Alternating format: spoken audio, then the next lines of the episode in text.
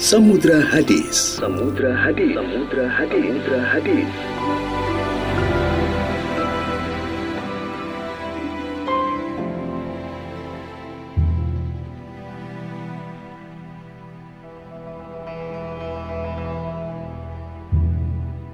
عن أبي هريرة رضي الله عنه عن النبي صلى الله عليه وسلم قال إذا نسي أحدكم فأكل أو شرب falyutimma saumahu fa innama at'amahu Allah wa saqahu